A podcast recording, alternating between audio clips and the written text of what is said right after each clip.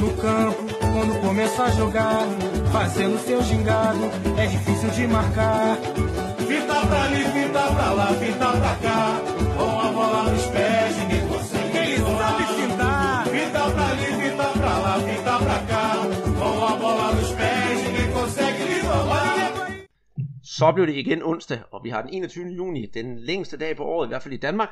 Og Peter og jeg, vi er klar til at lave endnu en podcast, der omhandler brasiliansk fodbold og nyheder, der handler om brasiliansk fodbold. Jeg har faktisk rigtig glædet mig til den her podcast, Peter.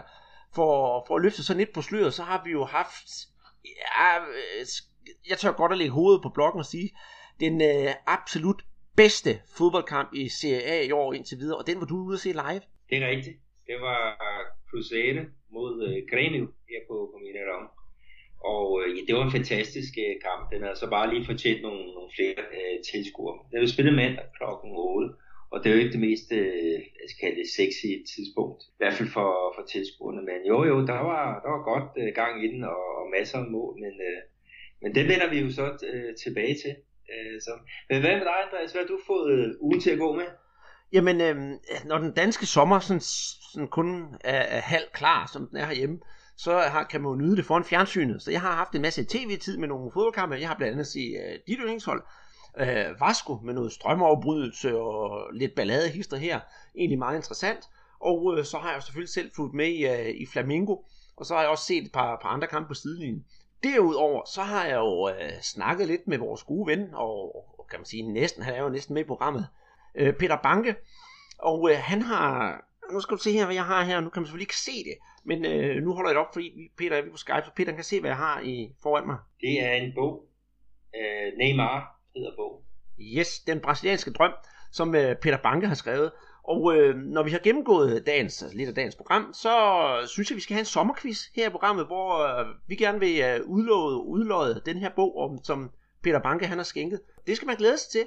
Udover det, så skal vi selvfølgelig snakke uh, lige Copa Libertadores, for der er trukket noget lod til nogle kampe, og så kigger vi på ligaen, og så slutter vi selvfølgelig af med quiz, og en uh, lidt spøjs historie om en uh, målscorer, som jeg påstår, han har scoret 1000 mål. Han er simpelthen sprunget ud som den nye uh, Justin Bieber med en udgave af hans, eller den der hedder Despacito.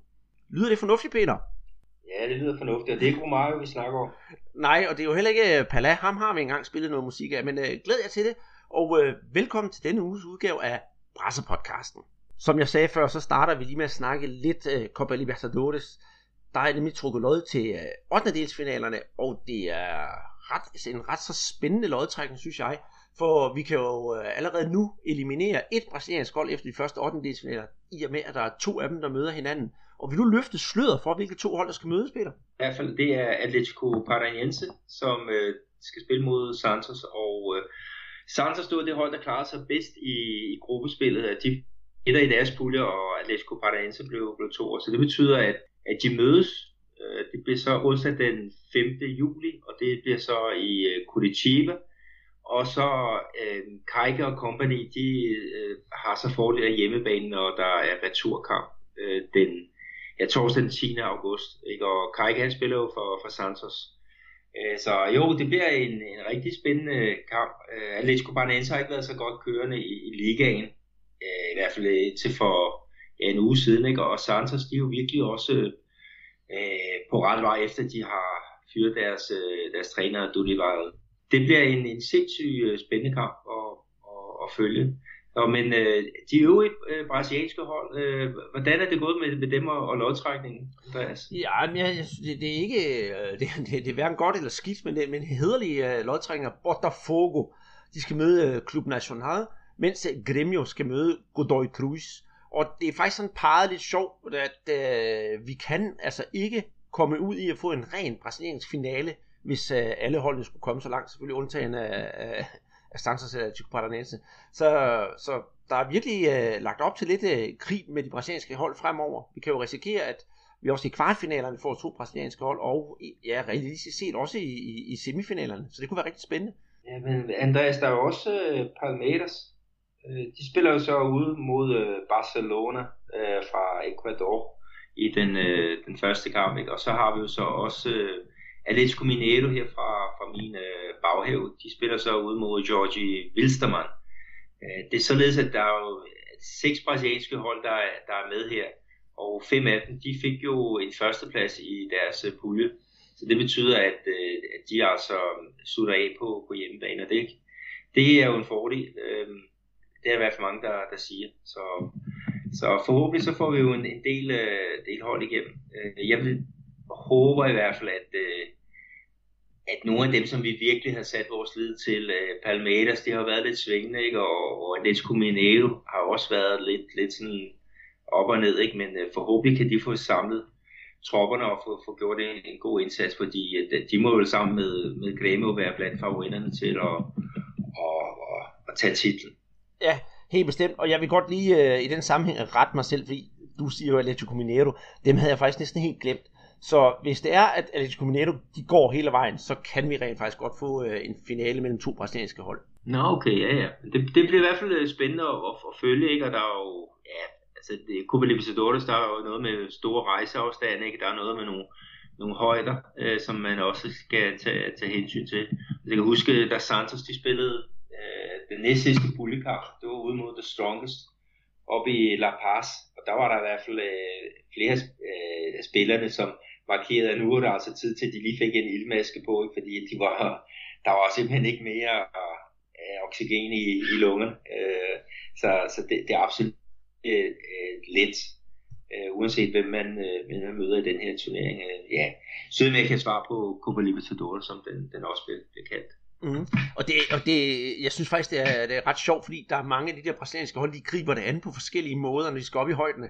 Jeg kan ikke huske, øh, hvilket hold det var, men det var tilbage i 80'erne, at der var en træner, der mente, at hvis man tog direkte op på dagen, og så spillede kampen, og så tog hjem samme, samme aften efter kampen, så ville man ikke være ret så påvirket af de der store højdeforskelle. Men øh, jeg kan ikke huske, hvordan kampen gik, eller noget som helst, men, men at holdet, de skulle næsten bruge en hel uge bagefter på at restituere sig. Ja, det, man siger, at skal, øh, man skal bruge 10 dage på at, at øh, hvad hedder det, øhm, vinde sig til, øh, til den der højdeforskel. Ikke? Og, og med det kompakte kampprogram, der, der er, så er der jo, ja, altså hvis du skal gøre det, så skal du nærmest tage op med, med din elite opstilling. Øh, er det 10 dage før, ikke? så må du lade B-holdet klare kampen i den. Men, men det er der jo ikke rigtig nogen, der, der gør. en anden ting, der også blev snakket om, og det, det har vi jo også øh, haft på banen nogle gange, det er, at at øh, der er jo nogen, der, der siger, at Viagra skulle være godt mod, øh, mod det her, hvad er det, højdesyge. syge. Ikke? Og øh, ja, jeg ved, der er i hvert fald nogen, der har, har prøvet det, om, om det lykkedes, og hvad resultatet blev, øh, det kan jeg ikke lige, det kan jeg ikke lige huske. Men, øh, men man kan da få et lidt sjovt billede foran sig der. Skal vi tilbage på sporet, og så lukke Copa Libertadores ned og sige, at når vi kommer nærmere kampene, så skal Peter og jeg nok sørge for at få læst op på sagerne, så vi kan øh, følge det rigtig tæt. Næste der har også været lodtrækning til øh, Copa Sudamericana, som er den, øh, den næststørste øh, turnering her, og det er jo bare, ja, det er jo 16 finaler, så det er jo et haverkamp, så det, det synes jeg, vi skal tage senere hen, Andreas, og så ja. ja gå videre til den øh, brasilianske serie. Ja. Fordi der har jo været to runder, mens ja, vi har, øh, hvad skal vi sige, siden sidst vi var i, i æderen. Det har der nemlig, og øh, ja, så vi har jo ikke rigtig fået noget nyt tophold. Det er jo de samme, vi kender fra, fra Corinthians. Og øh, sidst vi snakkede om Corinthians, der havde, jo, der havde de vundet en 3-2 sejr over São Paulo. Siden da, så øh, vandt de jo så 1-0 over Cruzeiro, som jo også øh, er, er titelkandidater. Øh, og så, så har de så sluttet af her i, øh, i weekenden med at tage en øh, 0-0 mod Curitiba. Og i den sammenhæng, så vil jeg sige, hvis man kigger på kampen generelt, der blev spillet her i sidste runde, så er det interessant, at øh, det var simpelthen udholdenes øh, weekend den her uge, og det eneste hjemmehold, der vandt, det var rent faktisk øh, Vasco, der vandt mod, øh, mod Avaí. Men øh, hvis vi kigger på Corinthians, der, der jo ligger nummer et, for mig, der, der virker det altså bare, at de har sat den øh, på, på cruise control. Ikke på en negativ måde, men øh, de virker som, de har fået styr på sagerne. Og jeg ved godt, vi snakker om, hvem der skal være favoritter til at, til at tage mesterskabet, men, men lige pt, der, der virker de enormt sikre. Og selvom vi kun fik en, øh, en, en, en uafgjort, altså 0-0 mod, mod Curitiba på, på udebane, så synes jeg, de virker ja, rigtig, rigtig gode. Ja, men det, det første kamp, de spiller, der vinder de jo så 1-0 over Cruzeiro, ikke? og det er jo, øh, spiller ikke særlig godt, men de scorer på en, en dødbold. Det er øh, Balbuena, som, som øh, er for sidste fod på efter hjørnespark fra Jadson. Og øh, igen, de var uden landsholdsspillerne Fagner og Rodriguinho, som var, var med, med Chichi og kompagni i Australien. Og så alligevel så får de jo hævet den der øh, 1-0 øh, sejr hjem. Og så kampen mod, øh, mod Curitiba, ikke? som er kommet overraskende godt fra, fra start ikke? og ligger træer i, i tabellen. Så, så det var ikke helt dumt at få, få 0 med hjem fra, fra den match. Men, men optakten til, til den her kamp øh, mod Curitiba, den fik jo simpelthen, øh, ja, det værst tænkelige øh, øh, optakt. Øh, det var jo en kamp, der skulle spilles kl. 11, og øh, Corinthians fansene, de, de kom jo i busser, øh, mange af dem, og øh, der var sådan planlagt sådan en rute, hvor de skulle køre, og så af en eller anden grund, så er der altså tre af de her busser, som drejer ned af det forkerte øh, vej, og det er der, hvor at nogle af de her hardcore øh, Curitiba-fans, de, de står.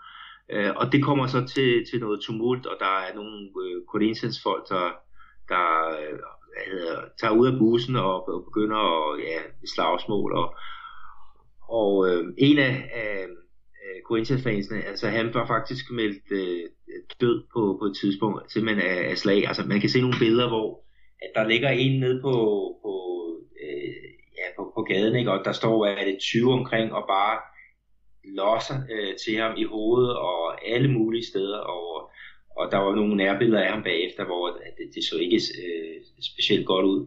Ikke? Og det, han var så simpelthen øh, meldt øh, død på, på et tidspunkt øh, af politiet, og de kom jo så tilbage og sagde, at han var ikke død alligevel. Øh, så, så det er igen en amatørmåde at, at, at gribe den her ting, ting an på. Øh, men derudover ham her, som var meget, meget alvorlig øh, ikke, så er der seks andre, som også var på, på hospitalet.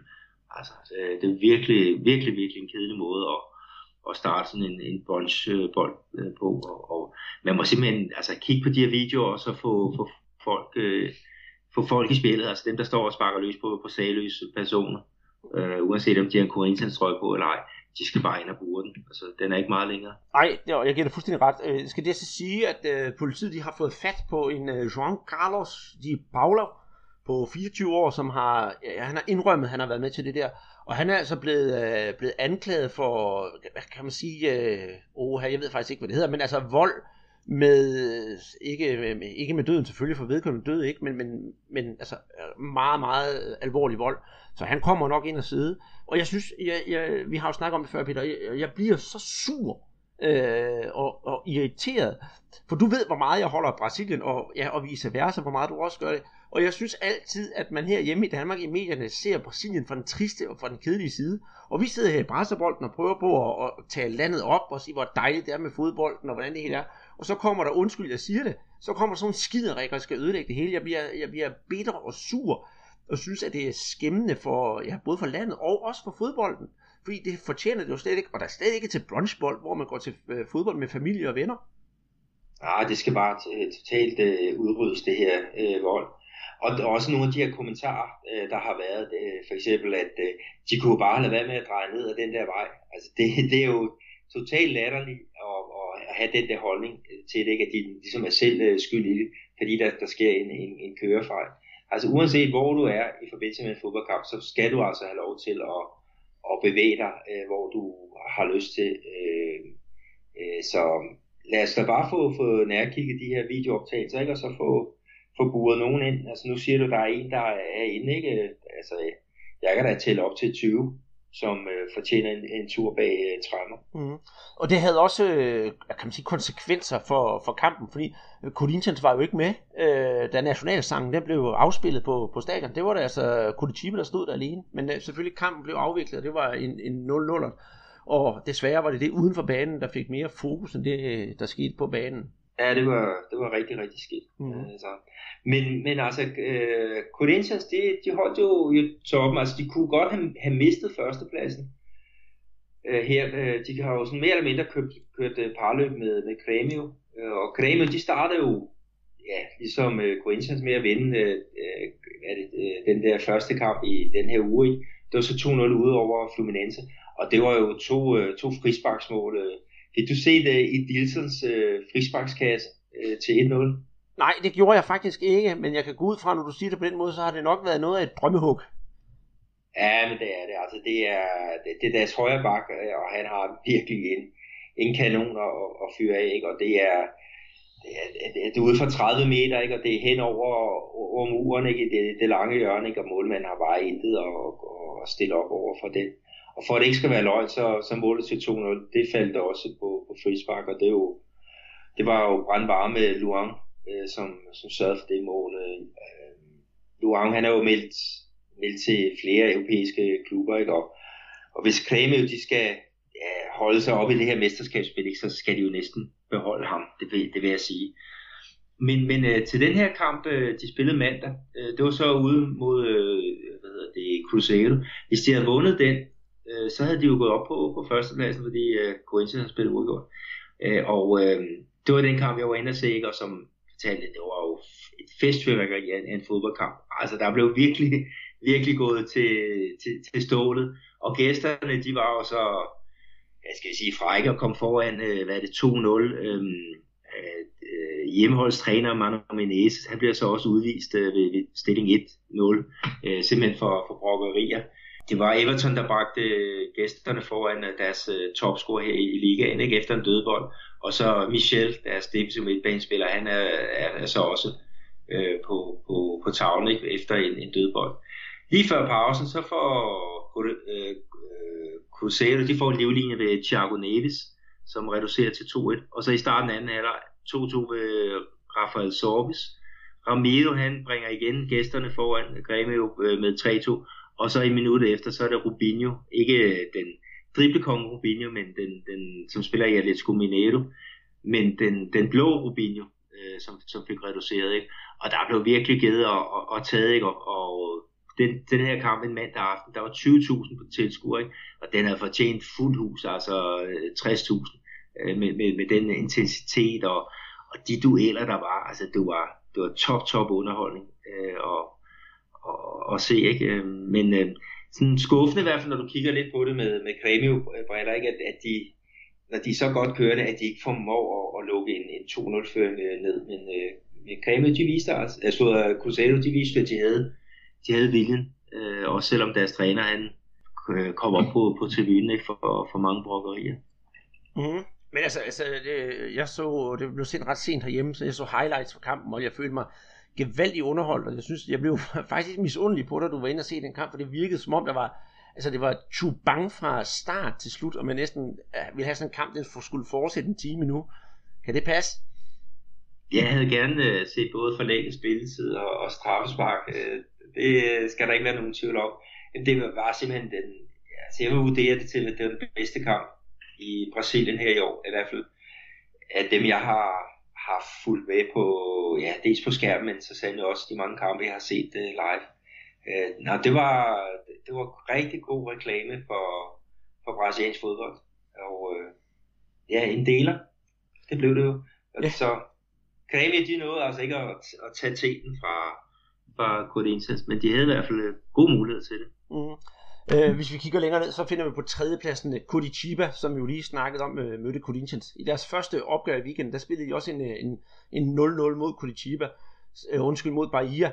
Øh, og det er jo ret interessant, fordi Curitiba, de, havde, de var inde i sådan en nogenlunde god stime, så får de altså tre uafgjorte kampe i streg. Altså først sidste 2-2 øh, mod Botafogo, og så 0-0 mod Bahia, og endnu en 0-0 mod øh, Corinthians. Øh, og det, de, de mangler nogen, der kan, kan score deres mål. Det kan godt være, at deres forsvar står godt, men de mangler nogen, der sådan rigtig for alvor kan, kan banke den igennem. Og det kan man også se på deres øh, målscore, som hedder 9-4. Og hvis vi så tager Gremio, som lige ligger over, de har en målscore, der hedder 21-10. Øh, altså, ja, vi snakkede jo om det inden sæsonen gik i gang, hvor holdene skulle ligge. Jeg synes, PT, altså tredjepladsen, turneringen er meget ung, det er den selvfølgelig, Peter, men, men, men de ligger højt i forhold til, hvad jeg havde forventet.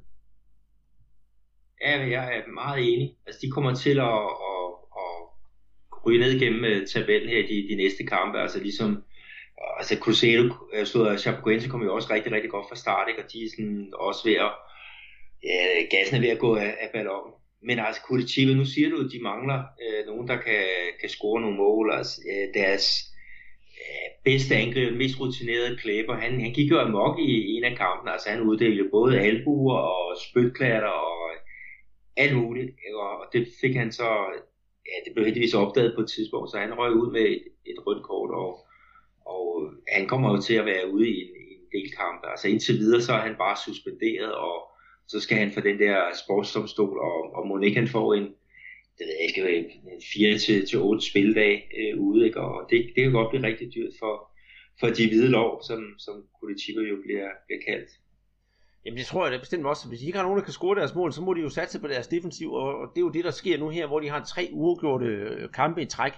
Uh, og ja, selvfølgelig er der den her to to mod Botafogo, men de to andre, det er jo, det er jo noget målløst noget. Og uh, det hjælper jo heller ikke uh, synderligt på dem. Jeg synes, at det er også den måde, de spiller fodbold på, det er ikke, det er ikke sådan noget, hvor man sidder og siger, ej, her, det er et stort uh, kagebord for, for fodboldelskere. Nej, det har du ret i, ikke? Og, og, som du også siger, altså, jeg vil da hellere ind og se Grêmio spille med, med de mange mål, ikke, end, end øh, uh, Curitiba's, øh, ja, øh, hvad skal vi kalde det, defensiv øh, kontrol, ikke? Og, og så uafgjort, uafgjort, uafgjort. Øh, det, ja, det, det må være det. Men, men uh, Andreas, et hold, som, som vi også øh, har kigget meget uh, på, ikke? det er jo Santos, og de fyrede deres, deres træner her for, ja, for, hvad var det, det er vel fem kampe siden, ikke? Og, og der er jo kommet rigtig gang i dem, ikke? Og, og specielt en øh, har fundet vejen til, til netmaskerne, ikke? Det er jo en, øh, ja, en øh, som vi kender fra dansk fodbold. Det er jo ingen ringer end øh, Kajke Hibero, som øh, brugte sin tid i, øh, i, i AAB. Han har jo nettet et par gange, og, og vi har jo vores øh, danskerdong, der har du også skrevet flittigt, og, og jeg har også øh, pipet lidt om ham. Øh, Øh, men øh, det blev altså ikke til nogen mål her i, øh, i den sidste runde her i weekenden, fordi der øh, gik Santos og Ponte Preta fra banen uden nogen scoring overhovedet. Øh, det gør jo ikke så meget for Santos. De har også vundet de sidste, ud over den, de sidste forrige kampe, der har de vundet tre streg, så de er så godt på vej. Og, og Ponte Preta, øh, altså, der er andre af de der måske potentielle tophold, der har haft øh, lidt problemer med Ponte Preta, så jeg synes egentlig ikke, ja, man kan måske sige, at de underpræsterede lidt, men, men, men alligevel, så synes jeg, det var okay, at, at Santos de fik en, en 0-0. Det, det, var, det synes jeg er i orden. Synes du det? Ja, men det, det synes jeg var, var fint nok. Altså, de havde chancerne, men, men øh, fik den ikke ind. Ikke? Og så, så skal man jo være glad for, at man, man selv holder nullet. Men kampen før, det var jo topopgør øh, mod Palmeiras. Og det endte jo med, at, at Santos de vandt den øh, 1-0, og det var jo et, øh, et kajkemål. Og når man ser det der mål, øh, det er et gennembrud i, i venstre side, og så bliver den sådan sendt ind foran øh, mål, hvor Kajke han er i duel med en forsvarsspiller. Og af en eller anden grund, øh, så vælter øh, Palmeters forsvarsspilleren, og det gør altså Kajke, han er fri øh, helt derinde foran. Og vi snakker om, om Kajke og hans øh, tid i Danmark. Det mål der, det minder om, om det, som øh, Jon Dahl Thomasson han scorer øh, ved VM-slutrunden for ja, en del år tilbage. Det er, hvor Danmark de vinder over Frankrig. Jeg tror, det var 2-0, de, de vandt. Men der laver han altså også lige et, et lille smart frispark øh, øh, på en, en fransk stopper, inden at bolden kommer ind. Ikke? Og jeg ved ikke, om, om Kajke han har, har kigget lidt Jon Dahl Thomasson i, i, i kortene, men øh, øh de var meget utilfredse, øh, Palmeiras-spillerne, øh, med, at der ikke blev dømt øh, frispark, altså lige så vel som, som Frankrig dengang. I ja, det 2002 var det vel øh, de, øh, de også var, var sure over Jon Dahl Thomasens øh, smarte frispark. Mm, men altså, hvor med alting er, så blev der jo dømt mål, og Santos gik øh, fra fadet med tre point.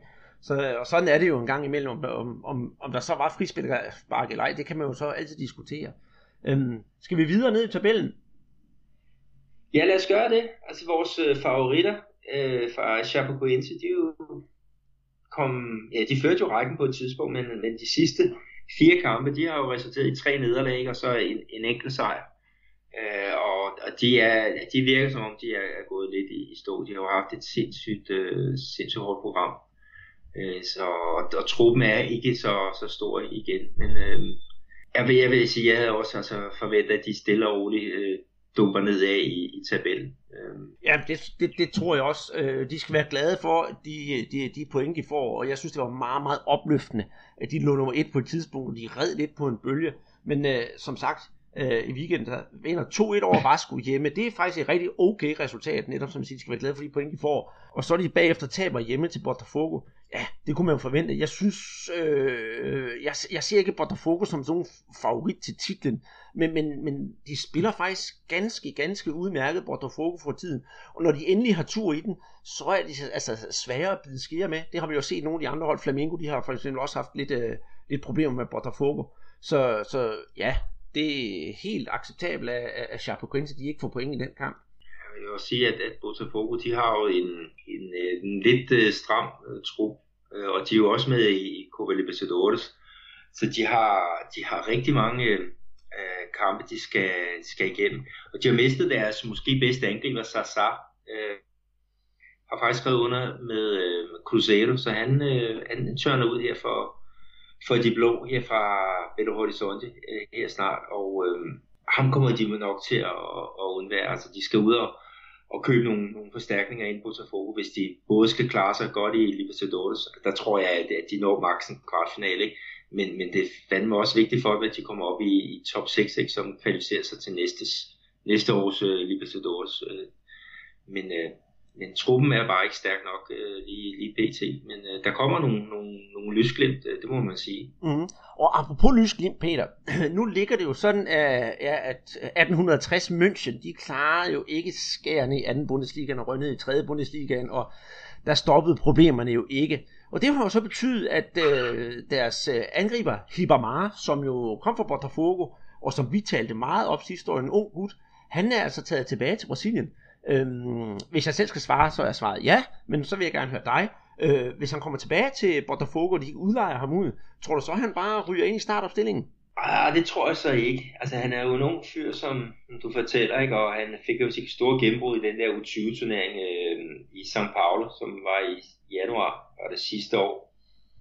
Øh, og så kom det, han rykket op i, i førsteholdsgruppen, i professionelle truppe, og, og scorede rigtig mange mål i de regionale mesterskaber. Så kom turen til, øh, til, til Tyskland.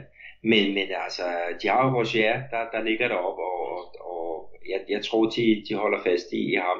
Men Ribber meget, han vil være altså, guld værd for dem, og, og, og, kunne komme ind. Ikke? Han er jo fysisk øh, stærk som en, en, en okse, og øh, det, det kan man jo i hvert fald godt have brug for i de her meget, meget tætte kampe. Ja, det, det kan man bestemt sige. Og jeg vil lige også øh, i den her sammenhæng med, når vi snakker også om øh, Chapecoense, den kamp, hvor, hvor der fokus spiller mod Chapecoense, at uh, Tullio, eh, undskyld, ja, vores ven Tullio De Melo, han kom altså på banen efter en lille times tid, men uh, han gjorde altså ikke det store væsen af sig. Uh, men, men jeg er da glad for, at han stadig får spilletid, og han er med til at holde, ja, kan man sige, holdet oven vande og være i den frontfigur, som han er i klubben. Ja, det er helt sikkert. Altså, jeg, jeg, synes, øh, jeg synes ikke, jeg har set dem spille så mange kampe. Altså, øh, deres foretrukne angriber, det er Wellington Paulista. Øh, en angriber, som var kæmpe, kæmpe stor her i Cruzeiro øh, for nogle år tilbage, og, og han øh, var også professionel i, øh, i engelsk fodbold i en, en periode. Jeg kan ikke lige huske, hvor det var, han spillede, men der blev han kåret som, som det største flop i køb øh, nogensinde nærmest. Ikke? Men, men øh, han gør et kæmpe godt stykke arbejde for, for Chapecoense, og, og score de mål, der gør, at de kan ja, overraskende ligge nummer 5. Mm. Mm-hmm. På øh, 6. pladsen, der finder vi jo dine, dine darlings fra, fra Vasco. Og ja, øh, de havde sådan en lidt øh, speciel kamp. Øh, den første, den tabte, det var vi snakker om Chapecoense, der, øh, der tabte de mod Chapecoense her i, i, i den første kamp. Og så den anden kamp her, det var mod Avaí, Øhm, og der vinder de jo hjemme 1-0, altså, og ja, meget forudsigeligt, fordi Avaí, det er jo prylknappen her i, uh, i turneringen indtil videre. Men uh, det var jo sådan set heller ikke uh, selve kampen, som fik så meget opmærksomhed. Det var noget helt andet. Og det var, jeg sad faktisk og så kampen, og lige pludselig gik lyset på stadion, altså selve stadionlyset, der går ned på banen, for der var lys resten af, på resten af banen.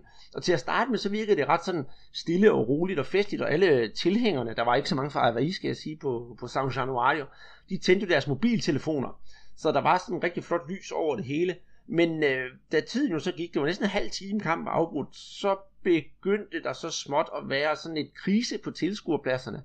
Og øh, til sidst så endte det jo med, at de også kom sådan, ja, internt op og slås.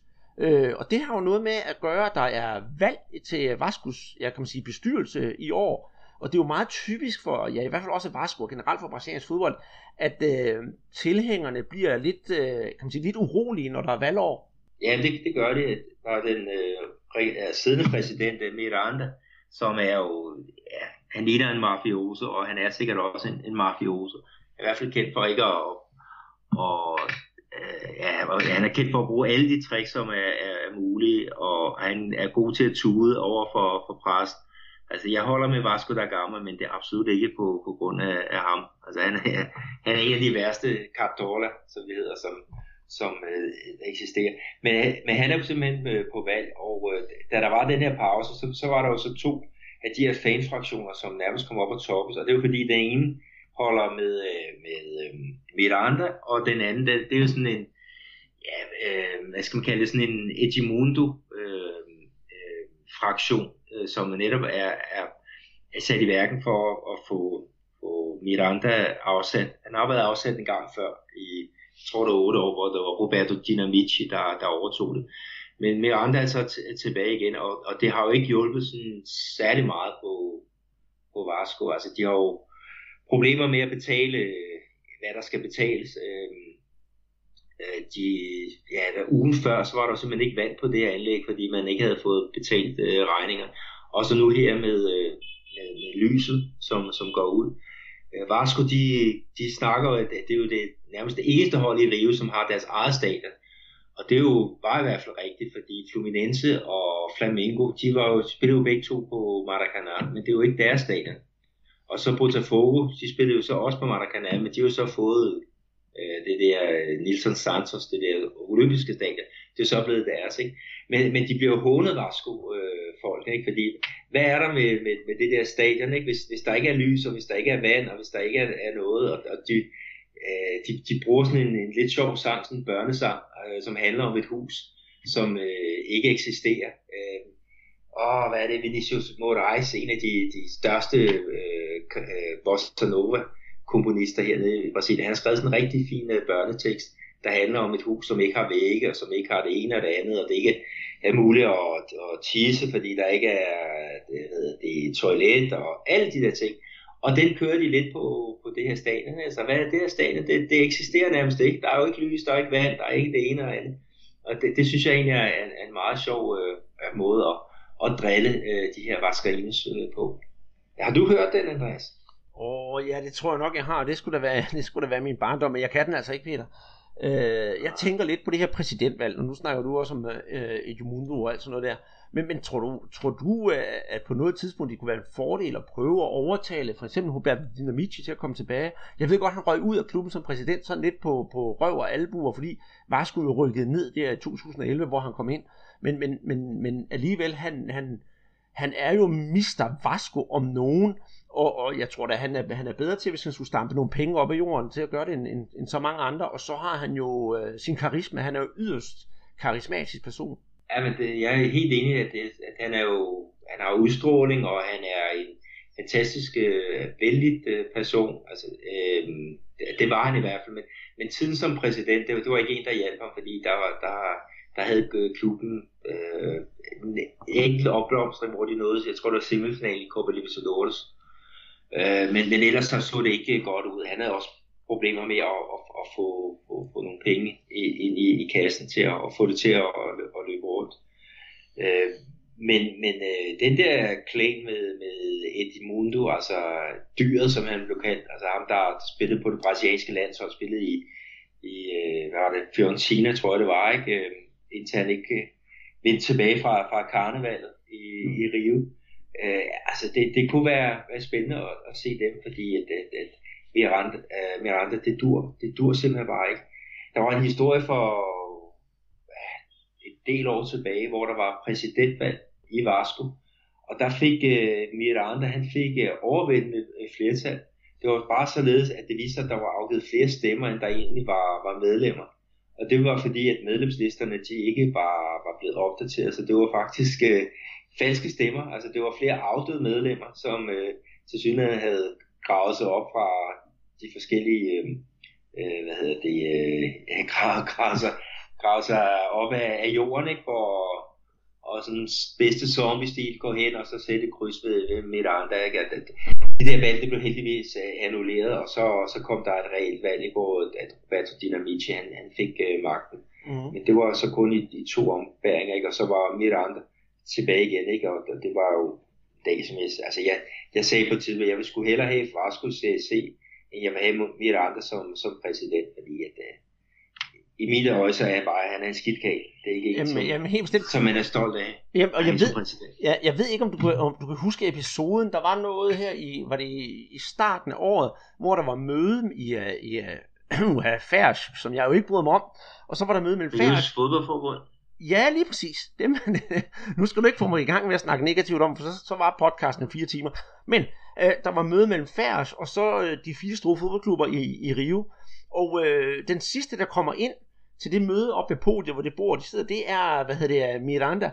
Og så går han, og så føler han på ryglænet på alle de der store læderstol der, og så kommer han hen til den sidste, som er Mirandas. Og den er altså 5 cm lavere end de andre stole. Så kigger han sådan lidt ligesom sådan en forsmået lille dreng. Så kigger han rundt, og så beder han om at få en stol, der er magen til de andre stole, fordi han vil ikke sidde på den her stol, som er 5 cm lavere. Og det synes jeg viser et meget godt billede af Miranda, ikke som forbryder, men, men, men som sådan en lille en, der, der, der, der, der puster sig op og gerne vil være noget mere og vise sig over for alle de andre. Ja, det, det tror jeg også. Men, men øh, Andreas, øh, du, du fortalte jo også, at øh, du havde set, du så kampen live, og der, mens der var det her øh, lys, der gik ud, så var der også nogle billeder fra hans, øh, ja, altså han, han har jo sit eget, egen lille afdeling, han sidder ikke på tribunen sammen med, med tilhængerne, men sådan for, for endetribunen, sådan lidt, der er jo sådan et, et eget hus, kan man kalde det, ikke? med et kæmpe vindue ud mod, mod banen. Det er jo der, han, han holder til. Men der, der var der også nogle billeder derfra, har du ja, fortalt. Ja, og det var jo sjovt at se, hvor man kunne tydeligt se det, da der var strømopbrydelse. Så sad uh, Miranda, han har altid, ja, han sådan noget Jørgen Klavin tøj på, altså skjorte og, og seler. Og så sad han i sin store læ- lænestol, sådan rigtig, rigtig mafiaagtig, med en stor cigar i munden. Og så rundt om, der, på den ene side, der stod der en eller anden mand, jeg ved ikke, hvad han lavede, han stod nok og snakkede med ham. Og på den anden side, der stod der en, øh, en dame, som, og der er ikke noget lummer i det her, servicerede ham med drinks og så videre, sådan øh, lidt let påklædt. Så det var sådan rigtig mafioso-agtigt. Og jeg kan huske, at kommentatorerne, der kommenterede kampen, de sad faktisk også og grinede lidt af det, og sagde, jamen det er jo Miranda i en nødeskal. Ja, det er, det er et rigtig godt billede, øh, det der, Andreas. Så, ja, jeg ved ikke, øh, hvad der sker med, med Vasco, men, øh, men øh, han har tidligere lavet et godt stykke arbejde. Øh, han er meget passioneret omkring øh, Vasco da Gama øh, og han vil gøre alt for, at, at klubben øh, øh, skal vinde. Men, men øh, han er meget emotionel, og han er meget til det der med at gå ud og på krig, altså det der med alle imod os, som øh, var Skarinos, og nu må vi stå tættere sammen. Øh, og, og det holder bare ikke, øh, synes jeg. Altså, han, har, han har vist sig, at, øh, at øh, han har brugt Vasco for at, at få en politisk karriere, øh, og via den der politiske karriere, så sidder han i parlamentet, og der har han jo immunitet. Det vil sige, at, at alle de der ting, som anklagerne, der har været mod ham, mod bestikkelse og hvidvaskning af penge og sådan noget, det, det kan bare ikke blive gennemført, fordi at han har jo den der øh, immunitet. Øh, så ja, ja, altså, ja, i mine, i mine øjne, jeg har sagt det før og gentager nu igen, han er en skidt kæler. Lad os bare få, få vasket, vasket tavlen rigtigt. Det fortjener Vasco da Gama. Ja, og øh, vores podcast, den fortjener altså ikke, at vi snakker en hel, øh, hel podcast om, om Milan. Der skal vi gå videre til Botafogo på syvende pladsen. Ja, lad os, lad os gøre det. Og det kan vi gøre rimelig hurtigt. Øh, den første kamp, den fik de 2-2 øh, ude mod øh, Victoria. Og vi har jo lige nævnt før, at de vandt 2-0 over, over Chapecoense. Jeg ved ikke, om, om vi skal tilføje mere. Altså, de, de, de kører så nogenlunde og, og har en, en... Ja, altså selvom vi har en smal trup, så formår de alligevel at hente nogle pæne resultater hjem. Ja, deres uh, træner, altså, Jair Ventura, han får rigtig meget ros af medierne hernede på den måde, han angriber øh, de her øh, presse, pressemøder efter, efter kampen. Øh, fordi han er ikke en, der render rundt og giver skylden på dommerne. Altså, han gider ikke at snakke om dommerne. Han snakker om deres egen præstation og hvis modstanderen har spillet en god kamp, så får de også øh, roser med på, på vejen.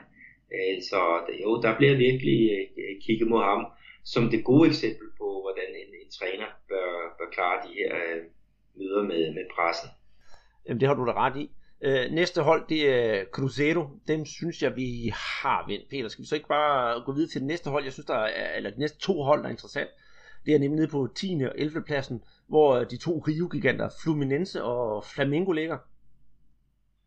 Jo, øh, altså hvis vi snakker om, om øh, Flamengo, altså inden vi gik i gang med, med den her sæson, Andreas, altså, der havde vi jo begge to øh, Palmeiras og Flamengo som de der hvad er det, titelfavoritter. Så det er jo noget skuffende at, at se i hvert fald Flamengo her på, på 11. pladsen, ikke? og så Palmeiras øh, endnu længere nede. Men, men, men Fluminense og, og Flamengo, jamen, de, de spillede jo faktisk her i, ja, hvad var det, i weekenden. Øh, det der Fla Flu Classico, Og hvad blev den egentlig? Jamen, øh, det blev sgu øh, 2-2. Og øh, jeg så en kamp, hvor jeg følte mig rigtig, rigtig, altså rigtig godt underholdt. Der var nogle småfejl fra, fra begge parter, men øh, jeg, jeg, vil, jeg vil sgu ærligt sige, selvom jeg er stor flamingista, så var det et, et færre resultat, og jeg synes, man så, så altså lidt tegn i sol og måne på, at, at Flamingo godt kan, hvis de, øh, hvis de vil, og jeg er, øh, fortrystningsfuld og tror, de skal nok rykke længere op i tabellen. De skal bare finde øh, melodien, og øh, ja, og så skal de måske få nogle af spillerne til at koncentrere sig mere om, hvad der sker på banen. Øh, jeg kan ikke huske, hvem der scorede det første mål for, for Fluminense, men øh, Flamingos målmand, der kommer en bold ind, og så Flamingos målmand, han vinker næsten afværgende med, med den ene hånd, som, som er bolden, den vil gå ud over baglinjen. Men i stedet for at den går ud over baglinjen, så rammer den altså stolpen og går ud igen, og så riposten, den bliver der scoret på. Der synes jeg, det er, er, er ja, at, den der med, at jamen, den går sikkert ud. Altså, hold øjnene på bolden indtil den er ude for banen, eller du har den i favnen. Så den, må, den synes ja, jeg, Flamingos mål, man godt kan tage lidt på sig. Uh, en anden ting... Ja, Vendale, som er, er midtbanespiller, det var ham, der scorede målet. Uh, han blev kåret som er det, den stjerneskuddet i øh, Campeonato Carioca, altså rivemesterskaberne her i, i starten af året. Ikke? Og, og han er en, som, som øh, er meget spændende at, at følge. Ikke? Og, og nu her, så kommer han så på tavlen i, i den, her, den her match. Mm-hmm. Og det var altså øh, efter en halv times, god halv times tid i, i første halvleg, så i anden halvleg, øh, der, der, der, der får Flamengo lige skruet lidt op for, for, for tempoet, og, og der får Diego så scoret efter, efter en times tid på, på sådan rigtig ja, altså fightermål, der er lidt klumspil, og så ender du sammen, og så får han den banket ind. Og Diego, han, ja, man kunne bare se, det ville han meget gerne, så jeg synes, det var bestemt fortjent, han fik øh, banket bolden ind. Desværre, så øh, bliver der begået et tåbeligt straffespark øh, hvad hedder det, øh, af, af Flamingo med 10 minutter tilbage, og så kan Enrique Dorado, han kan, han kan score. Og, øh, men hverken værre eller bedre, at 5 minutter ind i overtiden, der får øh, Trauco banket den i kassen til 2-2 til det der meget, meget færre resultat. Øhm, hvis jeg skal sige noget yderligere om kampen, og det er jo så set med lidt med flamingobriller, så blev der jo øh, hvad hedder det, spilletid til, til Dario Conca, der fik de sidste øh, 10 minutter. Ikke noget mindeværdigt optræden, fordi ja, han skal jo lige i gang. Øhm, men en anden en, jeg også lagde mærke til, det var jo vores gode ven Vinicius Junior. Han, øh, undskyld jeg siger det, spillede sin værste kamp for Flamingo til dato. Jeg synes, øh, øh, de, de, første kamp, den var dårlig, de der 12 minutter, han fik. Den anden kamp, det blev lidt bedre, og så har vi haft tredje kamp, hvor han var med, hvor han rigtig spillede hederligt og havde chance for at score. Men den her gang, der, der fandt han slet ikke melodien. Og jeg tror, altså han er ikke med i næste om, ombæring her, men jeg tror, der måske går et par kampe, før han i hvert fald er med i startopstillingen igen. Jeg tror, han vil blive brugt lidt som indskifter, for ja, nu er gassen måske gået lidt af ballonen. Jamen, de spiller i, i den her uge Øh, det lagde det ud med at vinde 2-0 over Ponte Preta, ikke? og der tryllede han virkelig. Altså, der, der var lavet en, jeg viste nogle eksempler på sit, sit uh, tekniske niveau, ikke? Og, og, så, ja, så her i den her Fla Flu klassiko ikke? Så, så fandt han altså igennem, og, og det er jo synd, og, og vi snakker om det sidst, ikke? at, at øh, man, skal, man skal godt nok tage vare uh, på, på det her unge talent, ikke? og man skal, man skal ikke tænke så meget på, at man skal please Real Madrid, selvom de har lagt de der 45 millioner euros for, for den her 16-årige øh, knægt. Men man skal simpelthen sørge for, at han bliver, bliver, bliver guidet øh, rigtig frem. Ikke? Og ja, det, det virker som om det er fornuftigt at, at lade ham sidde ud her i, i, den, her, øh, i den her runde, ikke? hvor at, øh, ved med, at de skal spille mod, de spiller torsdag øh, hjemme mod, mod Chapecoense, så, mm-hmm. så lad ham der bare komme lidt til, til hægterne. Mm, og det kunne også godt være rart for Flamingo måske sådan, altså de skal jo lidt tilbage på banen igen, og det tror jeg også, de kommer. De næste otte kampe, de skal spille, der ser seks af dem er på hjemmebane. Så har de i hvert fald noget garanti for noget opbakning hjemmefra i hvert fald. Ja, og hvad, Andreas, nu når vi snakker om hjemmebane for, for Flamengo, altså da de vandt 2-0 over Ponte Preta, der tog de jo øh, deres nye øh, bane i, i brug, den ude på, på øen, altså det hvor du har rendt rundt som en, en lille dreng. Jeg har faktisk også været der som voksen, men det, det har du ret i. Og der var kommet hele 13.006 tilskuere øh, ud, ud til kampen. Og jeg sad faktisk og, og fulgte med. Der er sådan en, øh, en, en, en Twitter-profil, der hedder Findo Jogo, med en masse journalister, øh, fotografer især, der, der, der tager ud til kampene. Og der lavede de jo live tweets og periscope og ting og sager derfra. Og jeg sad og fulgte med, og jeg morede mig kostigt, fordi jeg kunne sidde og genkende ting, og sige, det er det, og det er det, og det er det.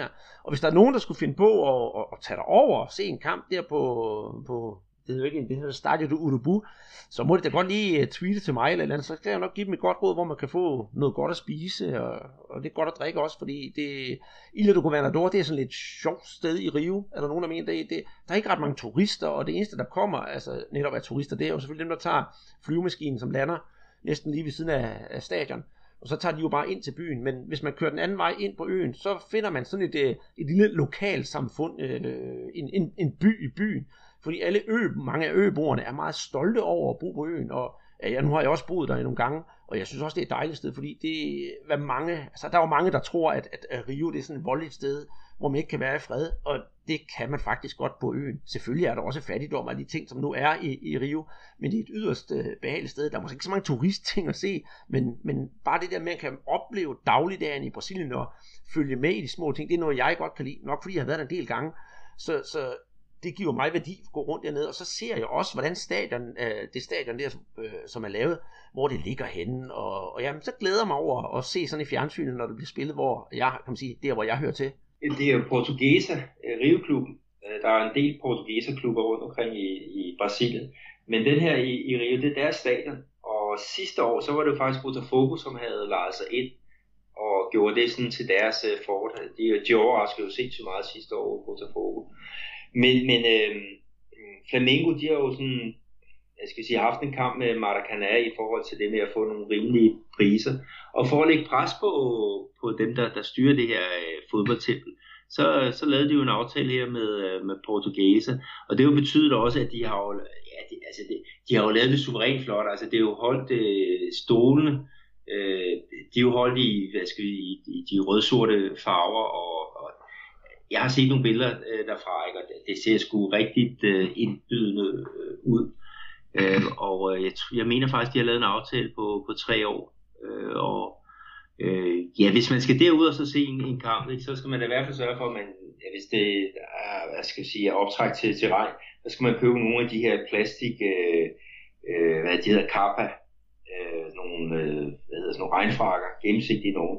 Fordi at, at øh, man bliver altså øh, våd. Øh, der er kun et sted, hvor der er tribuner, ikke? og de tre andre langsider, det er, er sådan nogle, ja, det er nærmest nogle midlertidige øh, tribuner, der, der er sat op, ikke? Øh, og ingen overdækning, så hvis man er derude, og der er skyer på himlen, så køb sådan en til, jeg tror det koster 5 her det er 10, 10 kroner, ikke? Og så, så undgå øh, for meget forkølelse de, de næste dage. Jamen, så kan jeg give dig lidt øh, rejsetips med Andreas Knudsen her. Så det er lige ved siden af stadion, hvad der ligger en parkeringsplads, der tilhører et øh, kæmpe supermarked. Øh, og så kan man bare gå ind i det der kæmpe supermarked og købe sine ting. Det har jo åbent kl. 11 om aftenen, så det burde også være åbent på, på kampdag. Og hvis man sådan skulle have fornøjelsen til offentlig transport derud, øh, og man står inde i Rio centrum, øh, ja, øh, Avenida Rio Branco, det er sådan, øh, det hvor alle busserne kører, kører forbi, så skal man tage øh, bus nummer 326 til Bancarios, eller 328 til Bananau, og så skal man øh, ja, simpelthen stå af, øh, bare sige, at jeg skal stå af ved Beaumarchais, så kommer man direkte til stadion. Ja, så det, hvis der kommer mange, mange flere kampe derude, så, ja, så skriv, hvis man går ud og se kamp på, på, øh, på, på det her stadion, så send enten send en Twitter-besked til Andreas, og så få, få rejsevejledning. Jamen, det er en aftale, men hvis jeg skal være ærlig, så sige, som turist, så skal man nok bare tage en taxa. Ja, det er nok det, det allerbedste. Jeg skulle lige til at sige, hvis, man, hvis, man, hvis det ikke er helt rigtigt, det du fortæller, så betaler du sikkert en taxa, gør du ikke? Jo, 100% sikkert. Nå, men altså tilbage på sporet med Flamengo. Jeg tror nok, at de skal få, få høstet nogle point her de næste kampe. Og her mod Chapecoense, der, der giver de nu nok fuld gas. Og det kunne være lækkert. Jeg gad, jeg gad altså godt se uh, Dario Conca komme ind og så gøre en forskel. Ja, det, det er helt sikkert. Han har været et af de, de dyre indkøb. Øhm, han kom fra... Ja, han spillede i Fluminense. Det hold som nåede til, til finalen i Copa Libertadores for nogle år tilbage. Og så blev han solgt til til Kina, øh, hvor han blev simpelthen kåret til den bedste spiller i flere år i træk. Men øh, nu er han altså tilbage ikke, øh, og spiller for, for øh, Flamengo, ikke? Og, og det var i det her Fla Flu Classico, ikke? de var ikke glade, øh, Fluminense-tilhængerne, da, da han kom på banen. I, ja, det, er sådan, det, det hænder jo ikke, at, at, at kærlighed bliver vendt til, til had. Og det er jo det, kongen kan han opleve. Men Andreas, hvis vi kigger ned under det, så er det Bahia. Nu de ligger jo så nummer 12. Det er jo oprykkerne. Det er jo et hold, som, som vi siger, de rykker i hvert fald ikke, øh, ikke ned, men, øh, men øh, de fik da en ordentlig hammer her mod øh, Palmeiras. Det gjorde de. De tabte jo faktisk øh, 2-4 på hjemmebane, og det, det, det var altså noget af, af, af, af en skald for, for Parmeters. Jeg synes, at den her kamp øh, med, med Parmeters og, og Bahia, det er altså begyndt at vise, at, at Kuka, han, øh, altså, han er ved at finde ud af, hvordan det her skal gøres. Han, øh, hans hold, de spillede den, det, altså som sagt, det vi snakker om Kukabov på et tidspunkt, ikke også? Øh, og kontraangreb og, og god moral, og ja, altså den vej igennem. Dødbolde. Lige præcis, ja. De fik jo øh, øh, fik de også et straffespark, så vidt jeg husker. Jo, det, det, det, det, det satte dem i gang. Det var Roger Gates, som, som, øh, som scorede på det. Lige præcis. Og jeg tror det, som hvad hedder han, øh, Kuka, han har gjort, han har også i de pressemøder, der har været holdt og sådan noget, og de kampe, hvor, hvor de ikke spillet knap så godt, der har han øh, manet til tålmod, og øh, det er det, jeg tror, han får betaling for nu. Jamen, jeg, jeg tror det også. Altså, det, de har sagt, nej, de manglede måske at finde den, den der stamme af spillere, som ligesom skal, skal udgøre øh, holdet, som skal føre Palmeiras helt til tops i, i Copa Libertadores. Øh, de har jo skiftet træner, Eduardo Batista, det var ham, der, der tog holdet i starten, ikke, og han blev fyret, fordi der var for meget ja, for, for meget stingerkurs i den måde, som de, de spillede på. Ikke? Og det, det tager selvfølgelig nogle kampe for, for Kuka at få den tilbage på, på sporet. Men øh, den her 4-2 sejr, altså, det er stadigvæk meget at slippe øh, to kasser ind. Altså, der, bliver lidt for, der er lidt for meget luft i, i, i begge ender, så at sige. Øh, men øh, men øh, 4-2, det er jo selvfølgelig også en sejr, ikke? Og, og de har behov for nogle, nogle flere point mm-hmm. for at komme op af i, i tabellen. Men altså, det helt store mål for Palmeiras, og det er det, der er købt ind til, det er at vinde Copa Libertadores. Det må man håbe på, at de så, de så gør. Altså, det kunne også være, være en stor skald for dem at tage. Men øh, jeg synes også samtidig selvfølgelig skal de have Copa Nordisk i fokus, men de skal altså også fokusere lidt på ligaen, så de ikke svømmer rundt. Altså 13. pladsen, det er godt nok, men jeg tror selvfølgelig, ligesom Flamingo, der skal de nok øh, rykke længere op. Øh, nu når vi snakker om, om de her store hold, som ligger og svømmer rundt nede jo på de underlige pladser, så har vi altså på 14. pladsen São Paulo, som øh, er altså på en total slingerkurs, og sidst, ja, kan man sige, der tabte vi jo faktisk til dem, der ligger nummer 15, Atletico Mineiro, Øh, jeg ved ikke, øh, hvor meget har du set til den kamp, Peter? Jamen, den så jeg, øh, den her match, og det var, øh, Atletico, de kom øh, foran øh, São Paulo for, for udlignet. Og så, ikke så, jeg tror det er kvarter før, før tid, øh, så kommer der en bold ind i, i feltet, øh, øh, i São Paulo-feltet, og øh, Lucão, som er deres øh, midtstopper, han prøver at clear den. Og det ender faktisk med, at han serverer den lige i fødderne på, øh, på og Atletico's øh, angriber, Rafael Mora. Øh, og og øh, han siger så tak for, for ja, den her gratis chance, ikke? og så bringer han den foran øh, 2-1, og det bliver så også øh, kampresultatet. Altså, det var, det var ikke værdigt til to store klubber som øh, São Paulo og Atletico, det, det, det må jeg sige. Atletico, de var jo, altså de har Fred ude, øh, de har sparet ham lidt, da han har været noget småskadet. Øh, og så er det altså Rafael Motor, som har fået chancen. Men, men i den her kamp, der var der en spiller, som gjorde en kæmpe forskel, og det var øh, ekvadorianeren øh, Casares. Øh, han var tilbage efter landsholdspausen, eller landsholds øh, landskampen, og han gik altså ind og gjorde en kæmpe forskel og scorede til, øh, til 1-0. Øh, så, så godt han er tilbage i, i stand igen, fordi at, øh, Atletico, de, de skal ikke ligge der og, rode, og slet ikke med det budget, de har. Altså, de har jo stjerner som Rubinho, øh, driblekong, ikke? og så har de jo selvfølgelig Fred, de har Elias på, på midtbanen, og de har altså et væld af, af gode øh, spillere, men, men øh, det har bare ikke rigtig fungeret, ikke? og ja, deres træner, Roger Machado, ikke? han har været hårdt, hårdt kritiseret for, for hans arbejde, og han kunne, ja, de, ja, de kalder ham en af de mest talentfulde trænere, men han kunne godt risikere at, at, at, at, at blive fyret, hvis der ikke sker noget på, på, øh, ja, på, på banen i hvert fald. Mm-hmm. Hvis vi lige kigger på, på bundholdene, så med de sidste fire pladser, øh, der har vi jo så, øh, hvad hedder det, Vittoria og Sport Recif, de spillede sådan lidt af lokal derby, hvor øh, Sport Recif godt nok kommer foran, og så Vittoria, de hiver, hiver stikket hjem med, med 1-3. Øh, ikke nogen sådan super stønligt øh, oprivende kamp, øh, sindsoprivende kamp. Og så har vi øh, på 18. pladsen Atletico Paranaense. De har vundet deres to sidste kampe, så måske de øh, er på vej op for døgnet, for de burde jo ikke ligge så langt nede. Og øh, på 19. og 20. pladsen, der har vi altså Atletico Goianense og Avaí, og det er jo ikke noget sådan, altså det kunne man jo regne med fra starten af. Vi har jo også tippet dem som, øh, som nedrykker. Men øhm, skal vi kigge lidt på topscorelisten, Peter? Ja, lad os gøre det. Fordi at, øh, den absolute topscorer, han nettede jo en, en enkelt gang her i øh, det her Fla-Flu øh, Classico. Du, du lige gennemgå de, de øverste så? Jamen, øh, det ved jeg da, det er, øh, hvad hedder det, øh, en hik fra Fluminense. Otte kasser har han banket ind efterhånden. Og så på andenpladsen, der finder vi jo Luis Fabiano fra, fra Vasco med, med fem mål. På også en del andenplads. Luca fra Ponte Preta også med fem mål. Fire mål, øh, der har vi så øh, André fra Sport Sif, Øh, Evaldo fra Atletico Goianense og Everton fra Gremio. Og så Jo, som øh, vi snakker om, er, har været brandfarlig. Han har svigtet lidt, og han er altså stadigvæk kun på, på fire mål. Øh, jeg skal sige, at, at uh, André, han er jo også en, en spiller, som... At, vi, vi har jo vores egen lille øh, dyst, altså det her sofahold, det hedder Cartola. Og, øh, og der havde jeg jo givet plads til André i min, øh, min startopstilling, og jeg har så også skrevet på min Facebook-profil, at øh, han vil helt sikkert score mod øh, Victoria, hvis han dog ikke har været i byen aften før. Men noget tyder på, at han har været ude og, og bumle. Øh, det, han, det var han i hvert fald kendt for her i Atletico Mineiro. Han ikke levede så seriøst, øh, fordi han spillede en elendig kamp og, blev, blev pillet ud. Øhm, øh, men, men ellers er jo Enrique Dorado, han, han scorer rigtig mange mål, men de fleste af dem det er faktisk på, på straffespark. Og jeg tror måske det er halvdelen, eller måske fem ud af de otte mål, der er, er sat ind for, for pletten. Ikke? Hvorimod Luis Fabiano det, og Luca, det er mere de der frie øh, mål efter øh, frit spil. Så, øh, men men det, det bliver jo øh, godt nok at, at følge den her, ikke? og vi har jo tippet Jo til at, at komme højere op, ikke? efter han er, er blevet en, en seriøs fyr og, og, og bedre liv, livsstil øh, uden for banen. Øh, men øh, det kan være, at de skal have nogle flere klassikos, for at han kan kravle derop af. Altså han er jo vant til at også lave masser af mål mod øh, de andre São Paulo-klubber. Øh, selvfølgelig São Paulo og, og øh, Santos og Palmeiras. Mm-hmm. Det, det får vi se. Det bliver rigtig spændende.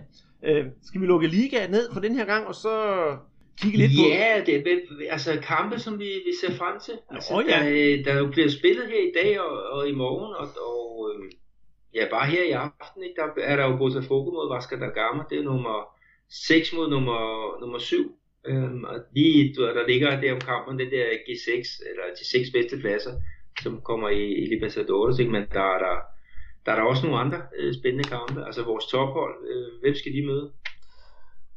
Jamen altså, nu kommer, nu, altså, nu kommer du så bare an på, hvem du mener skulle, skulle, være, skulle være tophold. Men altså, hvis du snakker om Corinthians, som, som er etter i tabellen, de skal jo så møde øh, Bahia, og øh, Flamingo, som jeg holder med, de skal møde Chapecoense. Gremio skal møde øh, Curitiba, så håber vi, der ikke bliver ballade øh, mellem de to holds tilskuere.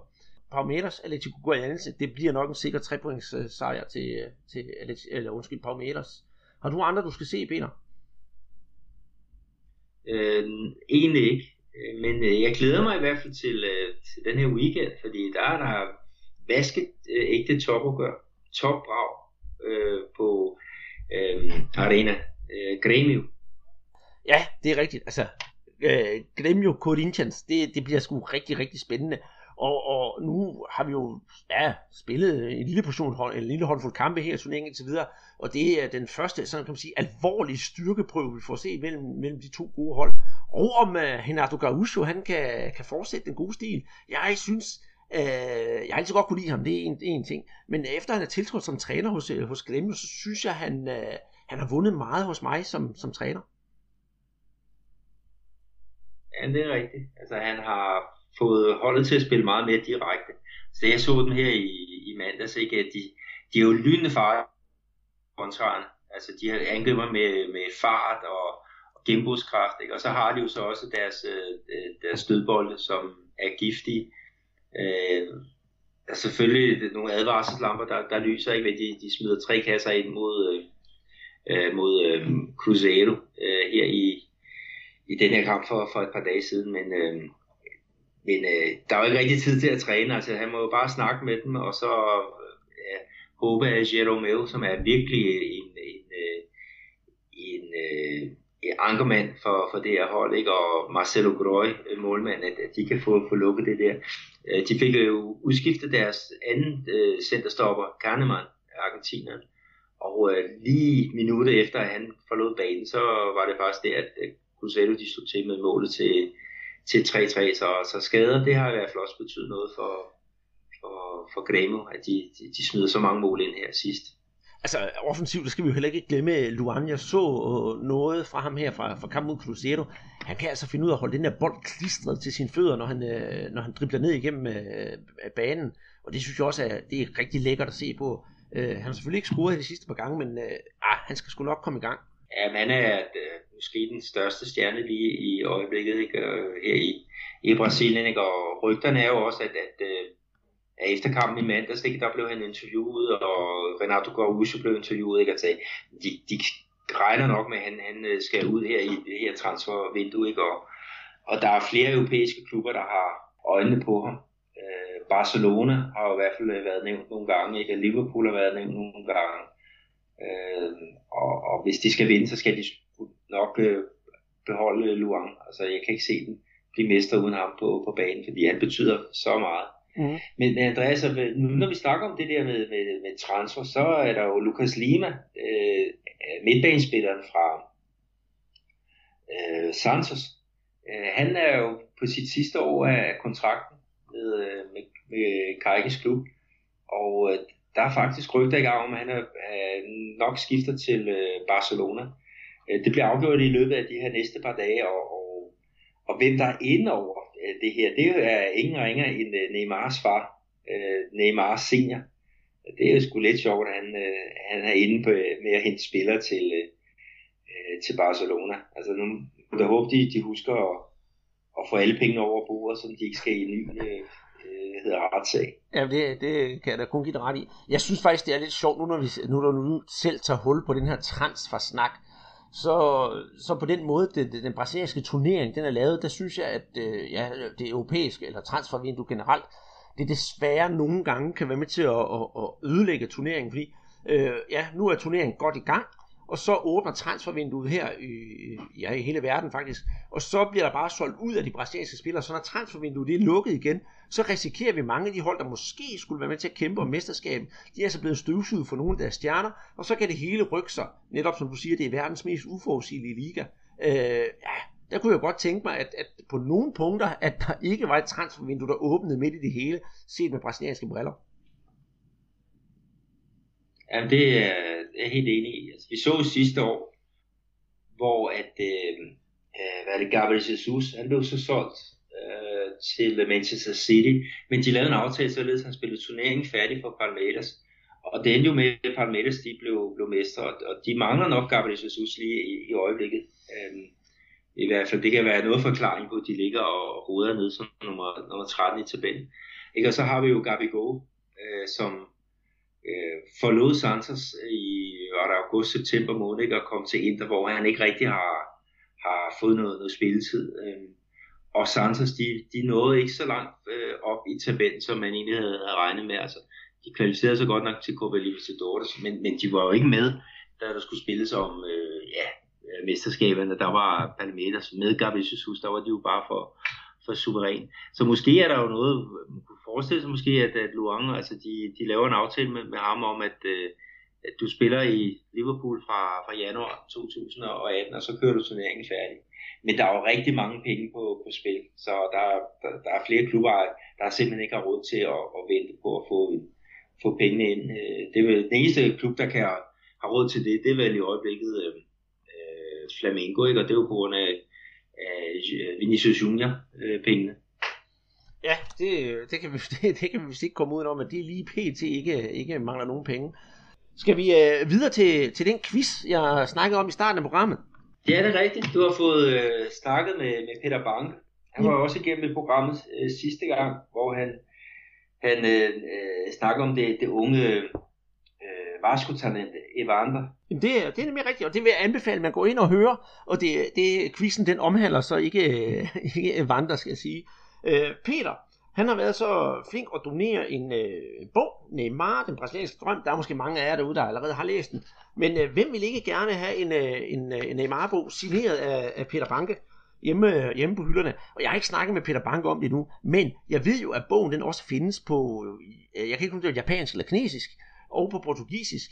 Så det kunne godt være, at hvis man var lidt frisk og havde den på dansk i forvejen, kunne få den på et sprog, der ikke øh, var ens eget. Ja, det er nok rigtigt. Og så Google Translate i, i baggrunden. Mm. Men, øh, men, men altså, det er, det er simpelthen en, en øh, ganske almindelig øh, spørgsmålsquiz, der selvfølgelig omhandler den Neymar, og reglerne er ganske, ganske simple. Det kommer til at foregå på Facebook, så gå ind og følg os ind på Facebook, Presserbold, og få jeres venner til at, at gøre det. Og så lægger vi spørgsmål op derinde, og jeg skal også komme med det her. Øh, og så i stedet for, at man skriver det i kommentarfeltet, går man ind og skriver en privat besked, og så blandt de private beskeder, der udlover, udlover vi så øh, Peter Bankes bog. Og fristen går helt frem til den 9. i 7. Og er du spændt på at høre spørgsmålet, Peter? Ja, kom med det. Tilbage i 2011, der blev Neymar tildelt, tildelt Ferenc Puskas Awarden for et drømmemål, da han spillede for Santos. Uh, vi vil bare gerne have at vide, hvem var modstanderen. Det er Elano, som øh, PET er træner for, for Santos. Han var faktisk også på banen i den her kamp for Santos. Så øh, god fornøjelse derude, og gå ind og følg os på Facebook, og jeg skal nok lægge det op på, på Facebook, så man kan få lov til at, at svare der. Til sidst, så skal vi jo, øh, så skal vi jo snakke om noget helt andet, Peter. Det er nemlig, nemlig Dulio Maravilla, øh, som åbenbart har, har lavet en sang. Og jeg har fået øh, hørt den, og den er jo ikke øh, særlig køn. Jeg ved ikke, om du, du kan fortælle lidt om det. Nej, jeg har faktisk ikke fået hørt, men jeg så, at, at Peter Banke han har lagt den op her på, på vores side, og, og den er sikkert meget fornøjelig. Øh, men øh, skal vi lukke podcasten ned med, med noget af Tullius skønsang? Ja, så må vi jo lige tjekke om uh, Peter Banke, han havde ret i, at uh, det lød måske ikke så godt. Men uh, som Peter skriver, døm selv, ja. så synger han i hvert fald Mil Golzito. Mm. Og husk quizzen ind på Facebook, og vi glæder os til at få alle jeres svar. Tusind tak for denne her gang, siger Andreas Knudsen og Peter Arnhold. Mil golzito, eu já fiz golzito de tudo que é jeito. Ficou de mão, já ficou de peito. Vou ter que me engolir porque não tem mais jeito. Favorito, favorito, favorito. Campeonato brasileiro, eu já fui artilheiro. Fiz feliz Brasil e